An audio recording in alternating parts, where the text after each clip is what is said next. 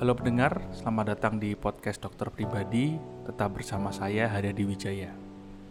Di sesi kali ini saya kembali ditemani oleh Dr. Winda Yanuarni Meye, spesialis anak. Bersama beliau, kami berbincang mengenai hal-hal yang dikhawatirkan oleh banyak pendengar kita yang baru saja memiliki anak atau memiliki anak bayi dan anak kecil. Si kecil yang sering kali belum bisa mengkomunikasikan keadaan tubuhnya, hanya bisa menangis, mengerang ketika sakit, atau bahkan diam tanpa reaksi. Sebenarnya kondisi seperti apa yang seharusnya orang tua perhatikan dan kapan kita harus segera meminta pertolongan profesional, khususnya kapan kita harus membawa si kecil ke UGD. Di sesi ini, Dr. Winda akan mengupas tuntas semua pertanyaan itu bersama kami.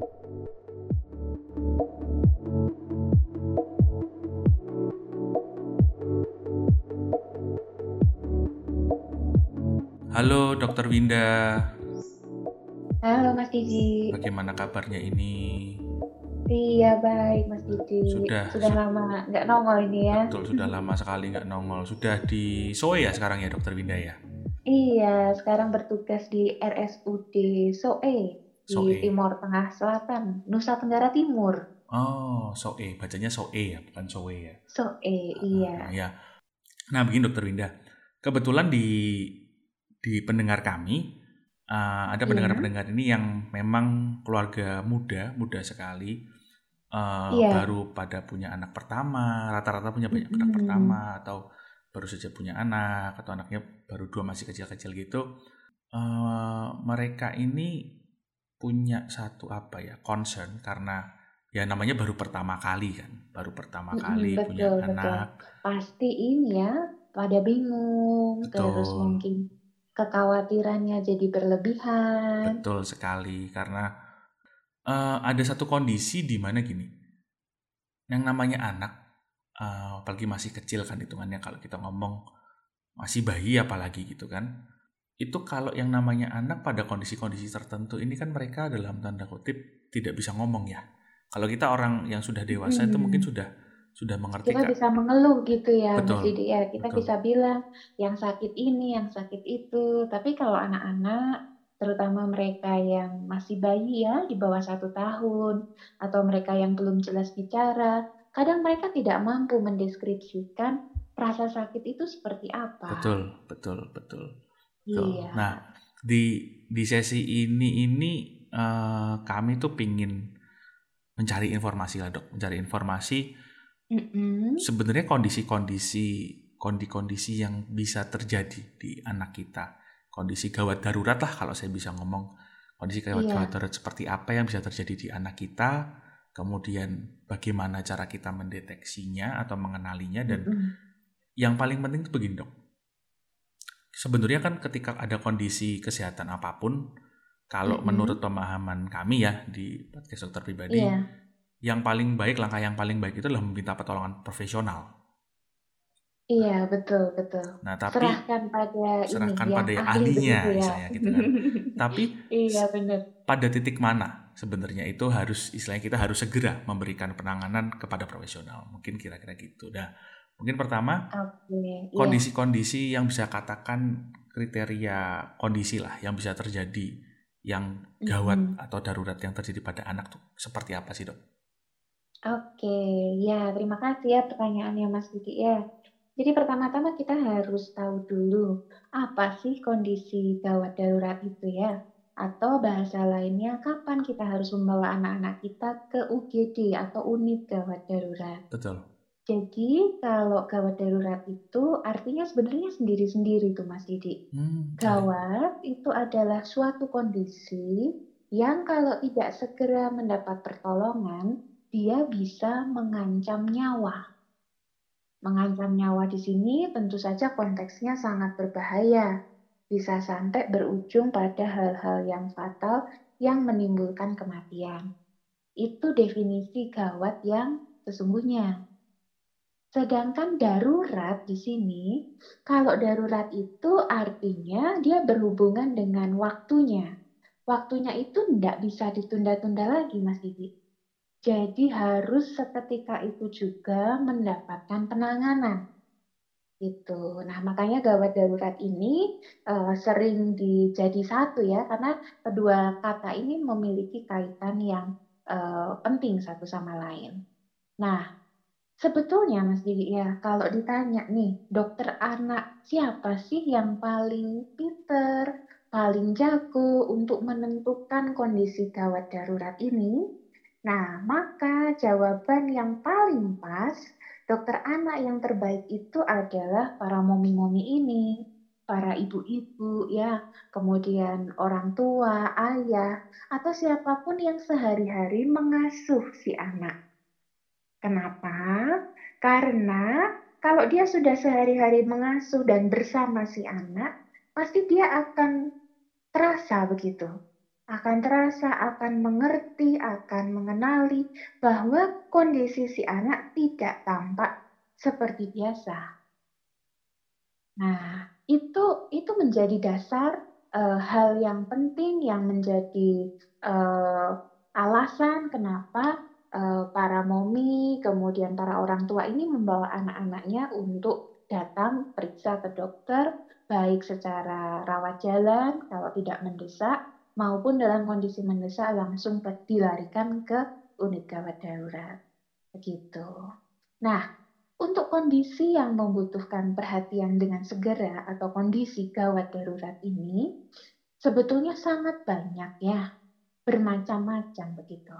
Nah, tugas kita sebagai pengasuh, sebagai orang tua bagi si anak, kita wajib mengenali tanda-tanda awalnya tanda awal yang mudah ya, yang mudah itu eh, misalnya kalau anak sehat kadang-kadang rewel juga kan ya Mas Didi ya? Iya, ya, tetap nah, ada.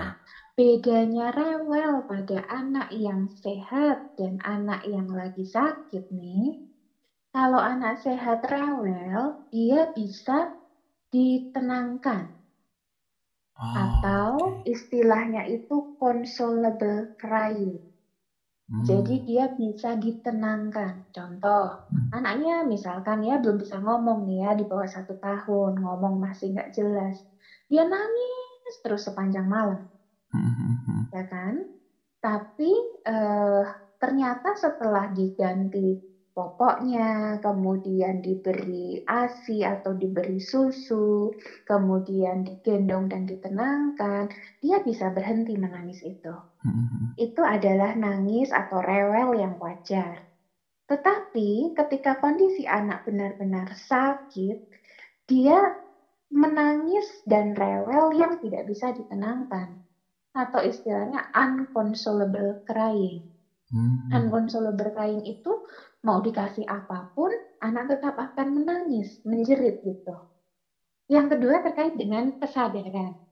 Nah, soal kesadaran ini, kalau orang dewasa, orang gede, kita gampang ya ngeceknya ya. Hmm. Dipanggil aja namanya. Kalau hmm. dia uh, menyahut, menjawab, kemudian berkomunikasi baik, nyambung, oh berarti dia sadar penuh. Hmm. Tetapi bagaimana dengan kondisi anak-anak yang masih kecil?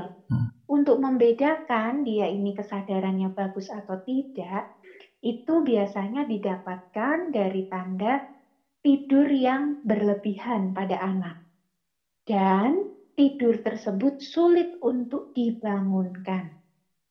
Jadi hmm. misalnya, ih uh, anak ini biasanya aktif sehari-hari dia bermain, hmm. uh, apa ke sana kemari begitu ya.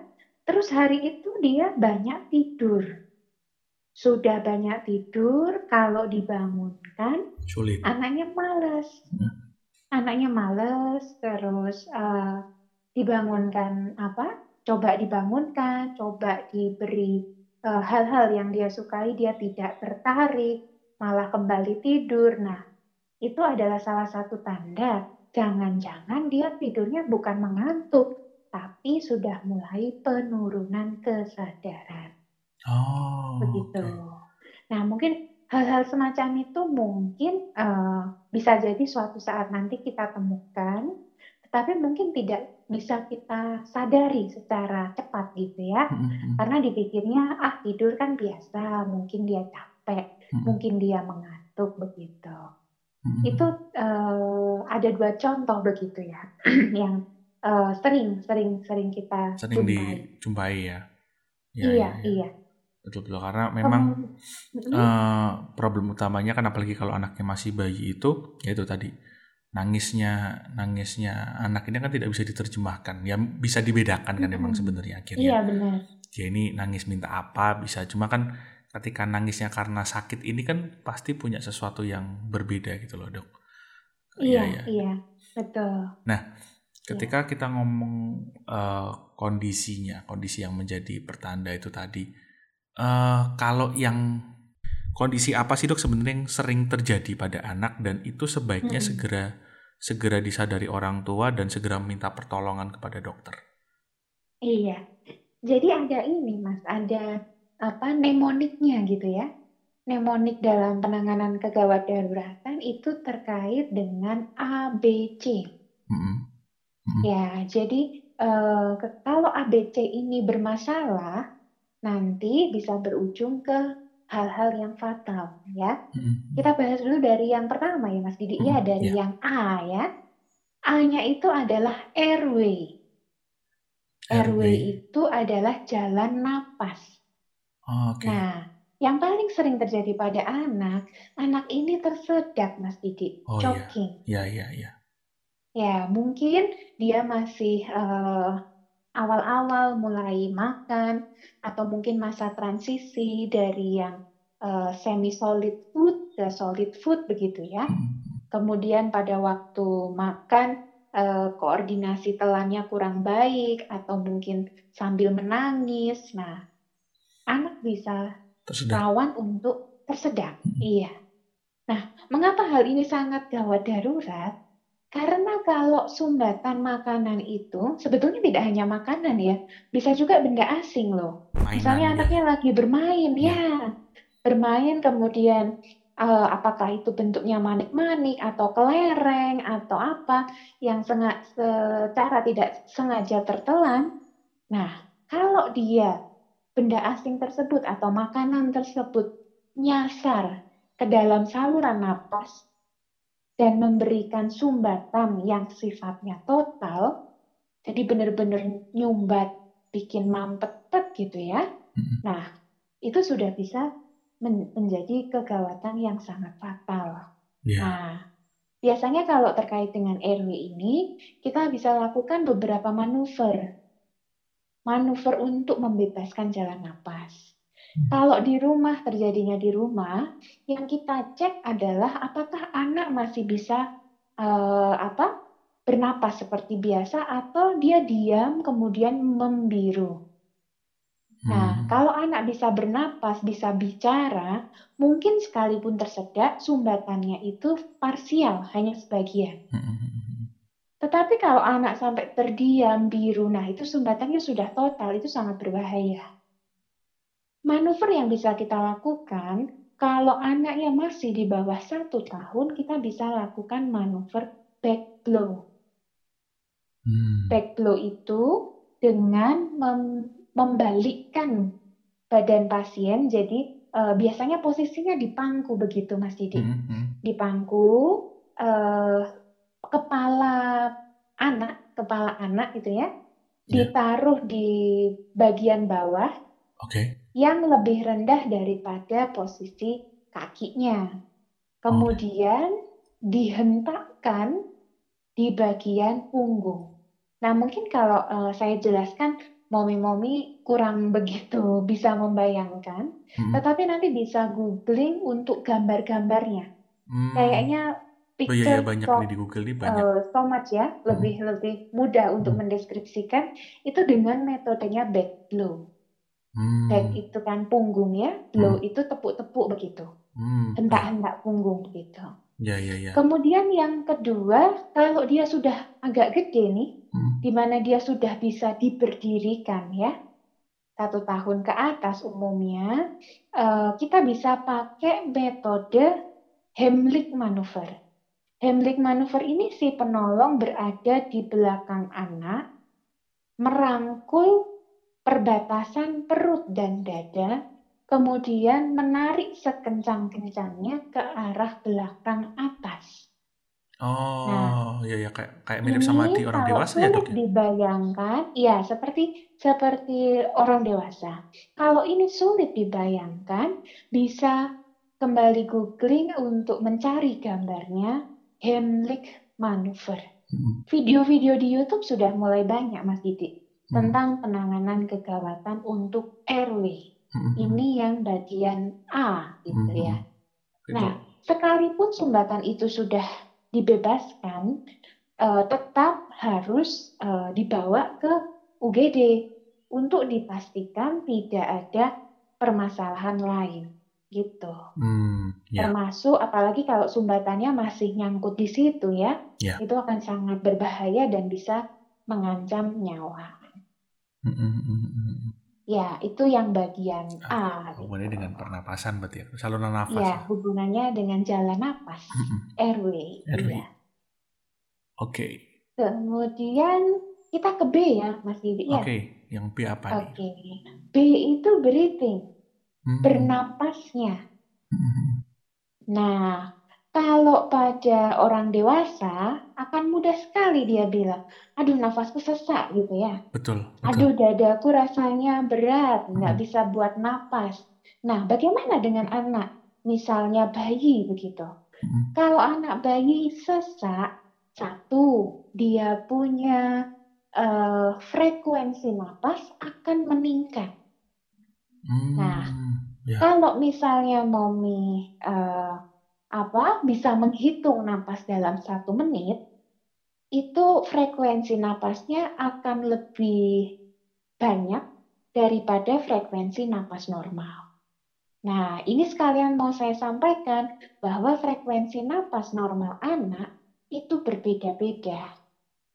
Hmm. Kalau dia bayi baru lahir, artinya usia 0 sampai dengan satu bulan, frekuensi napas normal adalah 60 kali per menit. Di bawah 60 kali per menit. Oh, di bawah 60 kali per menit. Oke. Iya, kalau bisa ngitungnya satu menit ya, Hmm. gerakan dada itu naik turun naik turun itu eh, dalam satu menit dihitung ada berapa kali. Kalau dia sudah agak gede, antara dua bulan sampai dengan satu tahun, itu batasnya 50. Oh, oke, oke. Iya, kalau dia 1 sampai 3 tahun, batasnya itu 40. Oh. Kemudian lebih dari itu, maksudnya 3 tahun ke atas, itu batasnya 30. Nah, Hmm. itu kalau kita mau benar-benar ngitungin. Mm-mm. Tapi, aduh ribet, aduh dok ngapalnya gimana? Ya, kalau tidak mau ribet, pasti Momi, saya yakin pasti mengenali ini si anak napasnya lebih cepat atau seperti biasanya. Hmm. Karena kita sudah sehari-hari dengan anak itu, kemudian kita bisa melihat gerakan dinding dadanya sehari-hari, kayaknya nggak secepat ini deh. Nah, Mm-mm. itu adalah identifikasi paling mudah bahwa si anak sesak, napasnya lebih cepat dari biasanya. Yang kedua, ada tarikan dinding dada. Jadi kalau orang napasnya enak, tidak sesak, dia bernapasnya itu santai, slow gitu, kayak di Hmm. pantai. Iya, kayak Jadi relax gitu relax ya. gitu ya. Relax, iya. Tapi ketika dia sesak, napas itu dia menggunakan otot-otot bantu napas. Sehingga rasanya itu kalau kita lihat, kalau kita buka bajunya, lihat dada dan eh, perut ya, Hmm. itu nanti antara dada dan perut kan ada eh, perbatasan tulang rusuk itu, Mm-mm. Yang melengkung itu ya. Mm-mm. Nah, itu seperti ada tarikan yang dalam. Hmm. Kalau orang Jawa bilang sampai dekok, sampai cekung. Nah, karena dia menggunakan otot-otot bantu napasnya dengan eh, berat, dengan apa?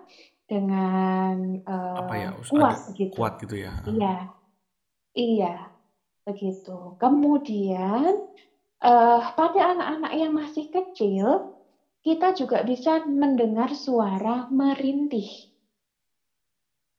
Jadi Oke. merintih itu biasanya mereka bersuara, jadi ada bunyinya dan bisa kita dengar dengan jelas.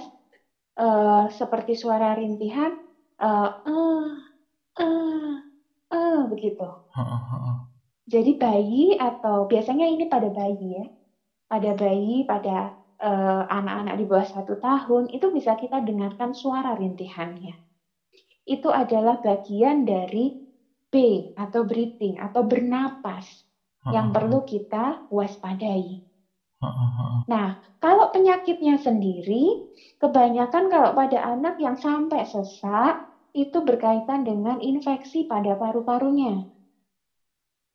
Hmm. Bisa juga ada kelainan pada jantung, karena jantung dan paru-paru itu sangat berhubungan. Jadi hmm. ketika paru-paru ada masa eh jantung ada masalah, paru-paru bisa terpengaruh sehingga gejala yang muncul adalah sesak. Hmm. Gitu. Ya ya ya ya ya ya. Ini salah. Iya. Breed itu, ini uh, breed ini juga juga juga signifikan ya karena kalau kalau kita tidak segera uh, meminta bantuan pada profesional, masalahnya cukup apa ya kalau saya ngomong fatal ya dok ya. Karena kan masuk dengan dengan pernapas, sistem pernapasan kan istilahnya. Iya, betul. Jadi makanya kalau ada tanda-tanda seperti itu, nah berarti breathing-nya ada masalah. Jadi harus segera segera dibawa ke UGD. Tuh. Hmm. Ya, ya, ya, Iya. ya, ya, ya. Kemudian selanjutnya yang C. Yang C sekarang. C itu adalah circulation, sirkulasi. Apa sih dok sirkulasi itu? Nah, jadi sirkulasi ini berkaitan dengan kemampuan uh, si anak ya dalam hal ini uh, aliran darah untuk mengirimkan oksigen ke seluruh tubuh, ke jaringan-jaringan penting di dalam tubuhnya. Hmm. Nah, sirkulasi atau aliran darah ini menjadi terganggu pada beberapa kondisi khusus. Contoh yang paling sering terjadi diare. Hmm, ya, ya. Jadi kalau diare, apalagi diarenya plus muntah-muntah ya, bisa masih dibayangkan. Kita aja kalau diare sama muntah pasti badan lemes kan? Iya, iya. Apalagi anak-anak. Ya, kalau diarenya terus-terusan sehari bisa, aduh dok, udah nggak kehitung lagi deh, 10, 15 mungkin. Nah, hmm. kemudian ada muntah muntah ada dok sampai uh, saya coba minumin apa pun yang dia suka semuanya muntah minumnya setengah gelas muntahnya kira-kira satu gelas dok hmm, itu ya. hal yang berkaitan dengan volume loss atau kehilangan volume cairan tubuh itu dapat mengganggu sirkulasi itu Contoh yeah. lain apa dok selain diare? Misal perdarahan. Perdarahan pada anak mungkin terjadi pada kondisi khusus. Misal dia memang ada kelainan uh, pada pembekuan darah seperti kondisi hemofilia atau hmm. mungkin kanker darah, leukemia, hmm. di mana dia kondisinya mudah sekali untuk berdarah. Mm-hmm. Perdarahan itu kadang tidak bisa sel, apa tidak bisa selalu kita identifikasi. Mm-hmm. Misal perdarahan pada uh, saluran cerna dan organ dalam. Mm-hmm. Kalau dia terjadi perdarahan internal, perdarahan di dalam, mungkin darah yang keluar tidak bisa kita lihat atau kita hitung. Betul. Tapi ada tanda yang lain, misalnya tiba-tiba perutnya kencang sekali, mm-hmm. sampai mengkilat, kembung dok, mengkilat hmm. banget hmm. kenceng. Terus uh, ternyata ada bocor usus, perforasi begitu. Hmm. Nah, kondisi-kondisi yang berkaitan dengan kegawatan bedah, kemudian eh, kasus-kasus trauma, trauma dalam hal ini kecelakaan begitu ya, hmm. Sehingga ada perdarahan di dalam, uh, biasanya yang paling sering kena rongga perut atau rongga dada. Hmm. Kemudian mungkin memang uh, darah yang bisa kita lihat, misalnya uh, terluka oleh apa uh, sayatan pisau di pembuluh darah yang besar, begitu ya, hmm. itu jelas sangat mengancam sirkulasi. Gitu. Ya, ya, Kemudian ya. hal lain yang mungkin tidak disadari tapi ternyata sungguh mengancam sirkulasi itu yang mungkin di musim hujan begini banyak juga itu Mas Didi ya. Mm-hmm. Kondisi misalnya demam berdarah tinggi ya. atau DBD. DBD. Atau mungkin DHF, dengue hemorrhagic fever. Nah, kondisi dengue yang parah atau DBD ini dia bisa mengakibatkan kebocoran plasma. Kebocoran plasma itu cairan yang harusnya ada di dalam ruangan intravaskular atau di dalam pembuluh darah karena pengaruh dari virus demam berdarah terjadi kebocoran. Hmm. Sehingga isi pembuluh darah itu cenderung kosong. Oh, iya, ini iya. juga fatal. Fatal sekali. Itu. Dan sebetulnya masih banyak sekali hmm. kondisi yang berkaitan dengan ABC. Dan mungkin uh, tidak satu-satu juga seperti yang saya sampaikan. Karena ketiga hal ini juga sangat berkaitan. Itu. Misalnya uh, tadi ABC ketika tadi ya. RW sama bisa, bisa, bisa jadi satu juga. Ya, saling berkaitan satu sama lain.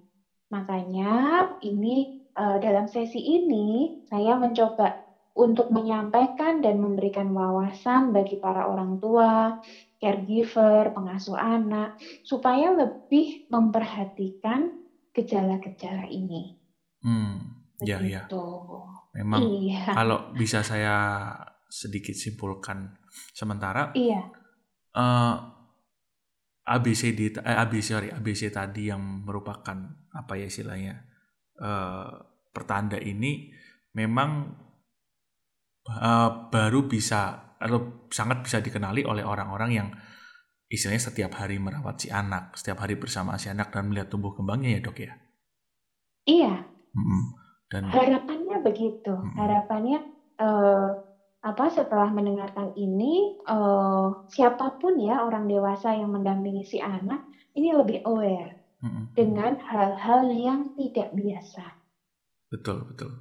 Karena iya yang menarik tadi kayak terutama yang bridge itu dok karena saya bridge terdengar simpel sebenarnya awalnya tapi memang oh ya juga ya kalau kalau uh, apa namanya anak apalagi kalau anaknya belum belum yang aktivitasnya banyak ya yang masih masih di umur-umur awal ini kan sebenarnya dia lebih banyak tidur kan ya dok ya? Mm -mm, nah, iya iya. Nah kalau aktivitasnya banyak tidur ini kan ya itu yang yang bahaya malah kadang kita mungkin ini anak nggak nggak nangis. Kayak tadi sesak itu kan mungkin dia nggak nangis tapi tapi yang justru harus kita lihat adalah apa ya tanda-tanda kecil mengenai sebenarnya perubahan perubahan kebiasaan atau gimana ya dok ya kalau iya dari yang biasanya begini kok hari ini lain hmm. kok hari ini tidak biasa nah hmm. itu berangkatnya dari situ mas Didi hmm. titik awal pengenalannya adalah dari situ makanya tadi di awal saya katakan bahwa dokter anak terbaik itu adalah ibu terutama ya hmm. atau orang-orang yang sehari-hari memang mengasuh dan merawat si anak. Hmm. Karena pasti dia tahu ini kondisi yang tidak biasa. Dan saya sarankan kalau menemukan hal seperti itu jangan ragu-ragu untuk berkonsultasi ya hmm. dengan membawa ke dokter atau ke fasilitas kesehatan terdekat supaya paling tidak uh, kita bisa pastikan apakah ini betulan gawat darurat atau ini false emergency. False emergency itu kayaknya gawat tapi ternyata uh, tidak gawat atau tidak darurat dan hmm. mungkin uh, sangat wajar terjadi akibat kekhawatiran yang berlebihan. Hmm. Tetapi kekhawatiran itu juga penting untuk membangkitkan alarm gitu loh Mas Didi hmm Seperti alarm kan, karena kalau kita terlalu cuek, nggak khawatir dengan kondisi alam, nah itu juga bahaya juga. Ya, nanti uh, terlalu ini ya, terlalu cuek juga kasihan kalau ternyata ada masalah di anak tidak segera bisa diidentifikasi hmm. dan ditangani.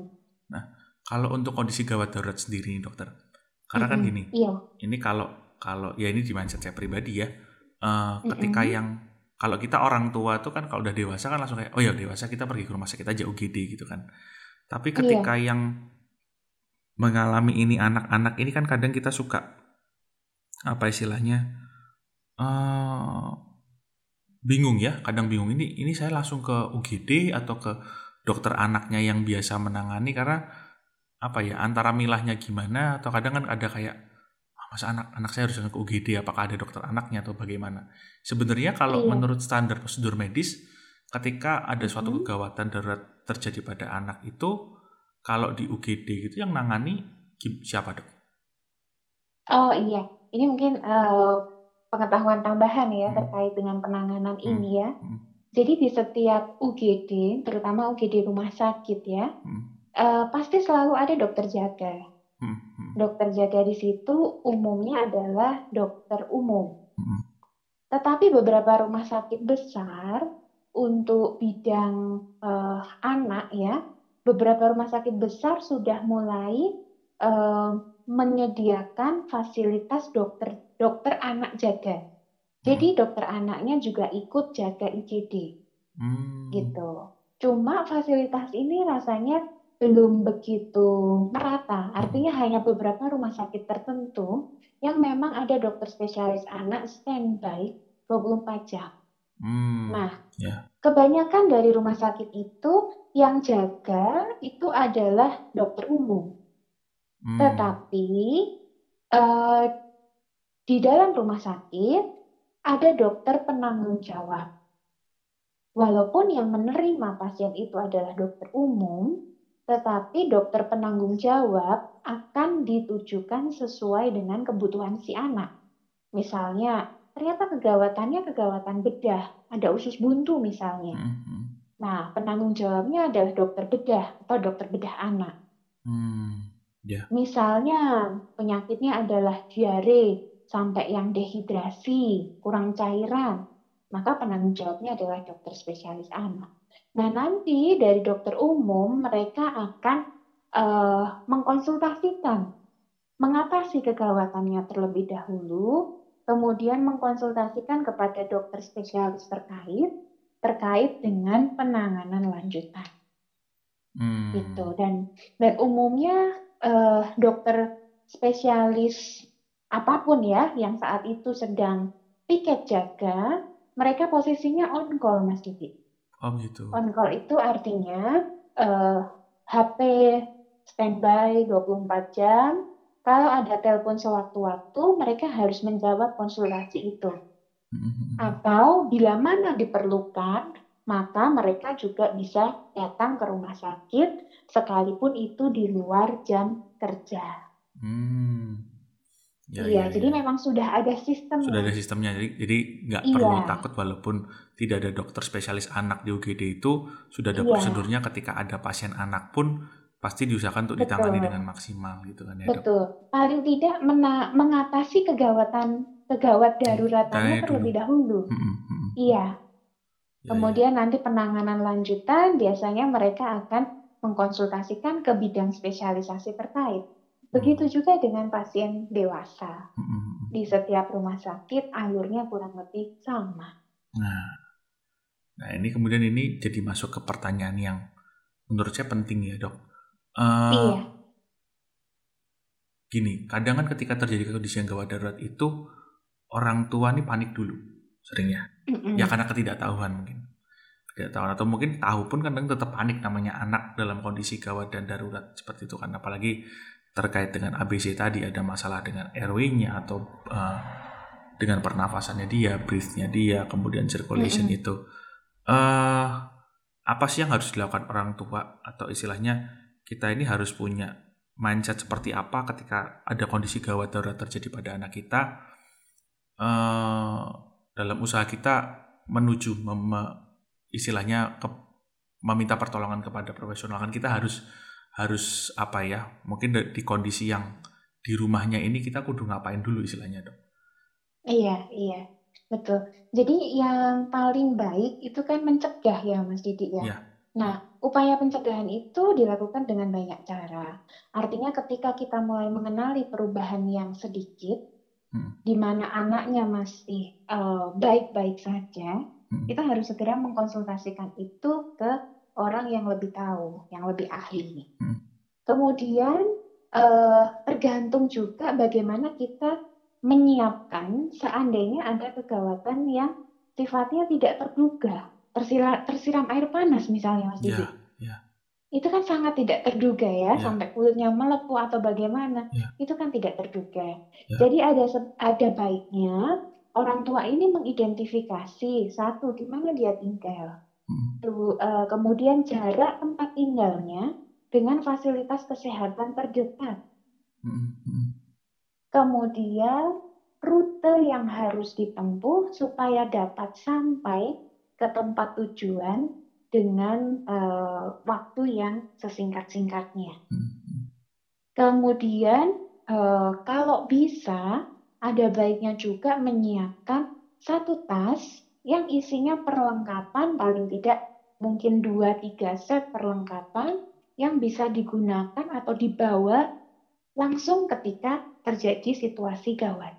Hmm. Biasanya kalau harus berangkat ke IGD itu kan uh, momen-momen kan persiapan dulu tuh ya. Yeah, yeah, Nanti yeah. bawa termos, bawa popok, bawa hmm. ini, bawa itu. Nah, itu kan takes time, makan waktu. Jadi pakaian-pakaian apa sebaiknya sudah posisi sudah dikemas. Hmm. Disimpan di dalam tas, jadi nanti memang kalau seandainya, seandainya ada kegawatan, itu dapat langsung dibawa. Hmm. Begitu juga sampai hal-hal kecil, misalnya kalau ke kegawatannya terjadi tengah malam nih, hmm. siapa yang kira-kira bisa mengantarkan anak itu ke rumah sakit? Ya, betul. Apakah orang tuanya bisa menyetir kendaraan, ataukah harus minta bantuan? Siapa emergensi kontaknya? Hmm. Apakah kakek nenek si anak, apakah tetangga, apakah siapa? Nah, itu juga harus diperhitungkan. Hmm. Iya. Intinya, upaya-upaya itu ditempuh untuk mempercepat kedatangan anak ke fasilitas kesehatan yang melayani yang punya unit gawat darurat. Ya, gitu. Ya, ya, ya. Ya, iya. Mungkin mungkin ini ini informasi upayanya begitu uh, uh, pencegahan, pencegahan, pencegahan kemudian betul. identifikasi apa ya resource yang kita punya, akses ke sana, itu juga harus diperhitungkan gitu. Betul betul. Malah itu sebenarnya uh, penting ya dok ya. Menurut saya sih akhirnya penting loh informasi. Iya kita kadang nggak kepikiran. Ya kita sih kebiasaan aja sih mungkin ya, ya anaknya nggak apa-apa gitu kan. Tapi nggak kepikiran juga kalau emang anaknya satu ketika mengalami gawat darurat, bener juga ini saya jadi kepikiran kudu nyiapin tas satu tas khusus yang emang istilahnya kalau apa-apa nih mungkin ya mungkin kalau papa mamanya nggak nggak nggak kepikiran baju asal ala kadarnya tapi anaknya ini perlengkapannya langsung dibawa kita langsung bisa lari ke UGD lah istilahnya kayak gitu ya dok ya iya betul betul ya ya ya, ya kemudian ya, ya. apa um, kalau anak itu sudah memiliki kondisi khusus mungkin juga bisa dikonsultasikan ke dokter yang menangani obat-obatan apakah yang harus disiapkan Misalnya kejang demam kan juga sering ya Mas Didi ya. Kejang demam pada anak. Mungkin kapan-kapan kita bisa bahas tema nah, itu juga betul, ya. Betul. Itu nah, kondisi yang sering sekali dan kalau anaknya belum bisa ngomong pusing itu dok. Serius. Iya betul. Umumnya kalau anak itu sudah sering kejang berulang, pasti dokter menyarankan uh, orang tua untuk menyimpan obat anti kejang yang dimasukkan ke dalam dubur. Hmm, nah, iya obat-obatan standar emergensi sesuai dengan kebutuhan anak ini juga harus disediakan. Apalagi kalau anaknya memiliki kondisi khusus hmm. yang sudah teridentifikasi sebelumnya, hmm. seperti kejang demam atau mungkin uh, misalnya ada kelainan jantung, hmm. kelainan perut dan lain sebagainya. Oh, oke okay, oke. Okay. ya berarti memang untuk menghadapi ketika kita ngomong yang namanya kondisi gawat darurat ini kan uh, kita nggak pernah tahu ya dok ya. Memang akhirnya kembali lagi dari tindakan pencegahan atau istilahnya identifikasi ini perlu perlu kita pelajari juga dari masing-masing orang tua. Ini harus aware kondisi anaknya seperti apa. Kemudian kalau terjadi kondisi yang memang gawat dan darurat ini kita juga perlu persiapan persiapan teknis kalau saya ngomong persiapan Iya, teknis lebih ke hal-hal teknis. Hmm, hmm, hmm. Oke, mm -mm. mungkin kira-kira begitu Dokter Winda. Iya, betul. Satu pesan terakhir nih, Mas Didi. Jadi uh, apa yang kita bicarakan pada topik podcast kali ini, mungkin bisa ada satu kalimat uh, closing atau kesimpulan dari sesi podcast kali ini adalah expect the unexpected. Ya. Perkirakan hal-hal yang tidak terduga. Ya, ya, ya. Iya, lebih aware, lebih hati-hati, lebih peka terhadap kondisi perubahan anak yang berkaitan dengan kondisi gawat darurat. Ya, ya, ya. Begitu. Ya betul. Mungkin nanti kita di sosial media kita di IG kita juga sharing lah link-link yang buat teman-teman buat bisa mengenali kondisi kedawat daruratan kemudian tadi kayak uh, untuk penanganan emergency kayak back blow dan sebagainya yeah. kita bisa share juga. Oke okay, yeah. oke. Okay. Oke, terima kasih Dokter Winda buat waktunya, buat sharingnya. Sama-sama, mudah-mudahan bermanfaat. Semoga bermanfaat, amin. Jangan bosan-bosan iya. untuk di ngobrol-ngobrol dengan kita terus nih dok. Siap. Masih banyak kayaknya yang perlu kita perbincangkan ke depan ini. Oke oke. Oke, terima kasih Dokter Winda. Sampai ketemu lagi kalau gitu. Iya, sampai jumpa.